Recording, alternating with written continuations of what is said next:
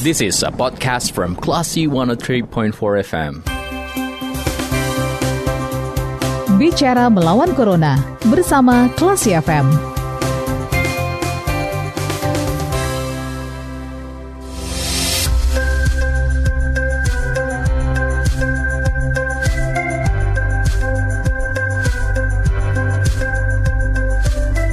Pada Trivim for Kelas FM, this is the actual radio Classy People. Selamat siang, saatnya Anda kembali mencermati program Bicara Melawan Corona bersama saya, Audi Effendi.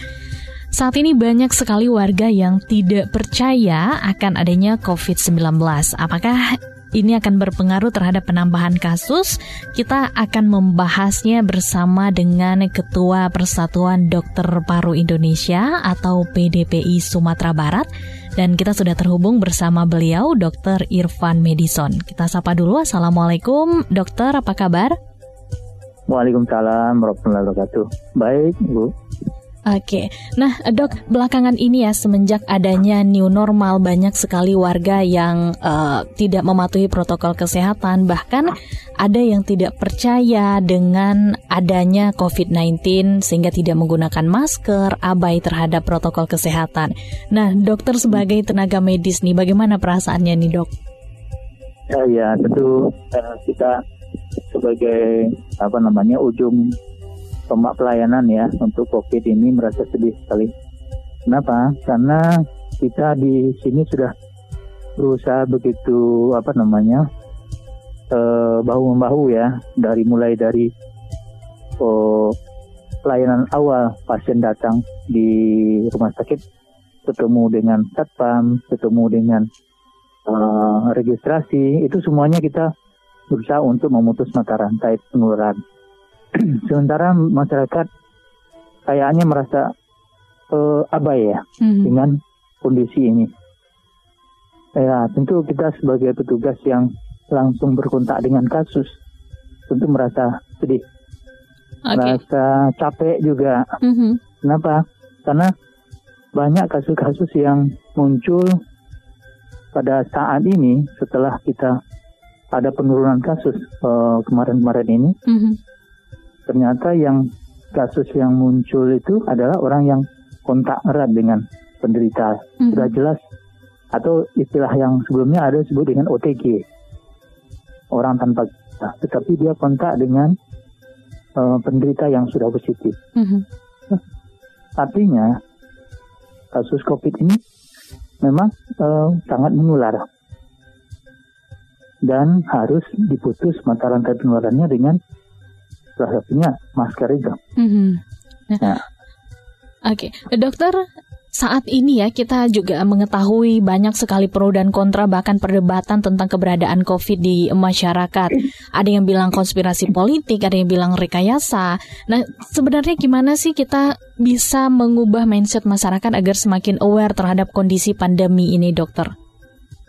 Ya, ya untuk uh, merubah uh, pola pemikiran atau mindset dari masyarakat tentu peran media baik media uh, yang resmi maupun media sosial mm-hmm. itu mhm. sangat penting sekali dan merubah pola itu sendiri masyarakat sangat terpengaruh sekali oleh media sosial mm-hmm. media sosial yang kita lihat selama ini uh, gencar-gencarnya mengatakan tidak uh, karena kita lihat di televisi artis-artis yang menyatakan ini uh, suatu konspirasi mm-hmm. dan masyarakat kita memang begitu percayanya dengan uh, hal-hal seperti itu. Kalau sudah uh, apa namanya orang-orang yang uh, seperti public figure yang mengomong itu mm-hmm. didengar, akhirnya kan jadi salah apa namanya salah persepsi jadi. Mm-hmm dia hanya mengungkapkan uh, mereka itu mengungkapkan uh, apa perasaannya uh, pola pikirannya kepada masyarakat mm-hmm. padahal dia tidak me mempunyai keilmuan terhadap uh, sesuatu itu mm-hmm. sehingga masyarakat menganggap itu memang betul padahal mm-hmm. dia hanya merupakan persepsi dia saja atau mereka saja yang me, me, menyampaikan ke masyarakat sehingga masyarakat menganggap itu betul Padahal hmm. itu kan semacam uh, apa namanya pendapat pribadi yang Mhm. di Opini. ya? globalisasi opini ya opini opini seseorang atau opini sekelompok orang yang di blow up menjadi suatu eh, apa namanya pembenaran gitu Mhm. ya Ah. mungkin counternya dari salah satu cara ini kita melakukan sosialisasi melalui media-media resmi bahwa ini suatu kondisi yang sangat berbahaya Mhm. yang bisa mengancam eh, keselamatan jiwa masyarakat gitu. Mhm. Kalau kondisi ini tidak dilakukan eh, apa namanya kontrol yang baik. Mhm. Ya. Nah, Dokter, kalau untuk eh, artinya kita harus membentengi diri sendiri, harus mulai dari diri sendiri. Nah, di eh, tengah perkembangan informasi yang eh, sangat masif, banyak masyarakat yang tidak percaya karena mereka tidak merasakan langsung atau tidak berdampingan dengan orang yang mengalami COVID. Nah, untuk yang eh, bisa kita lakukan supaya kita bisa memproteksi diri. eh, dan eh, juga bagaimana informasi COVID ini tidak hanya sebatas kon- konseptual ini dok. Nah, bagaimana eh, seharusnya masyarakat bisa mematuhi protokol kesehatan ini dok? ah, ya, eh, untuk eh, suatu protokol kesehatan yang sudah dibuat oleh eh, apa namanya eh, pemerintah, misalnya pemerintah daerah ataupun pemerintah pusat, Mhm. tentunya eh, akan jalan apabila ada sanksi. Ya, suatu aturan tidak akan jalan kalau hanya dalam bentuk eh, suatu aturan yang di atas kertas. Mhm. Ya, sebenarnya eh, akan jalan kalau ada sanksi. Banyak kita lihat aturan-aturan itu dibuat eh, tapi tidak jalan karena tidak ada sanksi atau eh, efek jerah terhadap kondisi yang me- menyebabkan apa namanya orang-orang yang melanggar aturan tersebut. Mhm. Dan untuk eh, bagaimana kita bisa mengatasinya, ya mulai dari diri sendiri, mulai Hmm. dari keluarga, mulai dari lingkungan, ya Mhm. eh, tetangga, nah, saling eh, sepertinya COVID ini mempengaruhi eh, jiwa sosialisasi sosial kita yang eh, selama ini sudah mulai beku ya. Mhm. Kita mungkin eh, saling menegur itu tuh yang penting. Selama ini kita lihat orang orang ya dibiarkan berbuat salah ya dibiarkan saja. Mhm. Uh, dengan adanya COVID ini mungkin uh, sudah uh, saatnya kita saling menegur kalau ada seseorang yang berbuat salah Mhm. Saling Misalnya mengingatkan ya. Mhm. tanpa ya saling mengingatkan untuk uh, kebaikan kita bersama. Oke. Nah, dokter di era new normal, mobilitas semakin meningkat. Apakah ada pengaruhnya terhadap penambahan kasus positif di Sumatera Barat? Ya, saya pikir sangat uh, berkorelasi sekali. Uh, kita lihat waktu kalau kita perhatikan dari data yang ada Mhm. sebelum uh, hari raya Idul Adha itu kasus di di Sumbar itu turun. Ya, turun dan di Kota Padang uh, sudah mulai ada yang hari-harinya uh, kosong penambahan, tidak ada penambahan kasus. Mhm. Nah, setelah ada apa namanya kelonggaran ya, orang bisa keluar masuk eh, daerah Mhm. ya, walaupun dengan ada aturan juga khusus dengan siswa, tapi itu kan tidak 100% bisa menyaring orang ya, Mhm. yang tidak eh, yang ada kasus atau yang menderita itu tidak bisa terseleksi dengan baik Mhm. satu-satu tentu ada yang lolos juga sehingga yang lolos ini bisa menularkan orang, orang lain. Mhm. Kita lihat sejak eh, Lebaran Idul Adha itu meningkat kasus kita. Mhm. Artinya ada kasus-kasus yang berkontak dengan eh, orang yang datang dari luar daerah yang menyebabkan timbul kasus baru di di daerah kita. Artinya dengan new normal yang tidak sesuai dengan protokol yang di, eh, disyaratkan Mhm. atau yang sudah digariskan oleh pemerintah baik pemerintah pusat maupun daerah tentu akan menyebabkan terjadinya eh, apa eh, kebocoran-kebocoran dari eh, kasus ini muncul Mhm. satu Penambahan kasus, ya. klaster-klaster baru Mhm. gitu kan nah itu yang kita uh, apa namanya kita antisipasi sebenarnya Oke. dengan adanya new normal ini yang tidak sesuai dengan protokol sebenarnya berisiko untuk penambahan kasus Mhm. Dari penambahan kasus nih dok, bahkan ada yang tanpa gejala atau dengan indikasi OTG seperti yang dokter sampaikan tadi. Apakah Hmm. orang awam bisa membedakan antara flu biasa dengan COVID-19 dok? Eh, se- kalau untuk orang awam sendiri mungkin eh, susah ya membedakan karena gejala kalau orang yang tanpa gejala itu eh, yang bergejala aja susah apalagi yang tanpa gejala kan Mhm. yang penting di diingat ya eh, COVID 19 ini adalah sebenarnya suatu penyakit infeksi. Artinya ada sumber yang yang sumber penularan seharusnya. Sumber penularan yang yang menjadi pemicu eh, sumber dari eh, penularan tersebut. Mhm. artinya kita harus tahu riwayat paparan dari orang yang tidak kita eh, ketahui status kesehatan COVID-nya. Mhm. Misalnya apa? Kalau kita keluarga satu keluarga kita kita tahu ke mana-kemana aja Mhm. dan eh, dalam waktu mungkin kalau COVID-19 ini kan masa inkubasinya terhitung sekitar dua minggu ya. Mhm. Dalam dua minggu itu tidak ada keluhan, tidak ada demam, tidak ada batuk pilek dan lain-lain. Artinya dia tidak punya bergejala dan tidak ada kontak dengan sumber penularan, artinya Mhm. dia bersih. Mhm. Kalau orang eh, kontak dengan orang dari luar daerah Sumbar, Mhm. misalnya daerah-daerah yang punya eh, kasus yang banyak, misalnya dari DKI, dari Jawa Timur, dari Medan, gitu ya, Mhm. dari eh, luar daerah ya, yang belum tahu kita lokasi tempat tinggalnya itu apakah ada kasus atau tidak, Mhm. kita anggap itu eh, bersiko. Mhm. Ya, berisiko artinya apabila dia kontak dengan seseorang yang berasal dari luar daerah, itu punya faktor risiko untuk tertular COVID. COVID-19 ya. Nah, nah itu yang dia apakan. Kalau dia eh, berkontak, dia harus diisolasi selama dua minggu. Mhm. Nah itu sebenarnya untuk antisipasi kita jangan sampai terjadi penyebaran.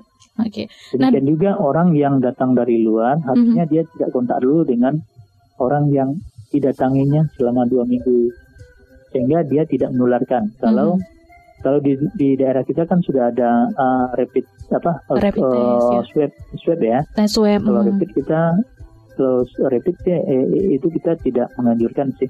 Karena Mhm. apa?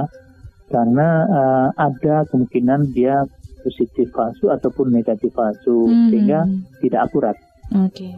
Hmm, Kalau swab itu lebih meyakinkan kita bahwa yang di yang ketemu itu menang betul-betul uh, virusnya gitu. Oke. Nah, dokter dengan kondisi penambahan pasien COVID yang eh, kembali naik di Sumatera Barat jika dibandingkan dengan jumlah penduduk, apakah kita kekurangan dokter spesialis paru di Sumatera Barat, dok?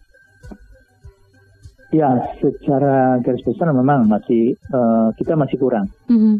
Ya, idealnya untuk masing-masing rumah sakit itu minimal dua dokter paru.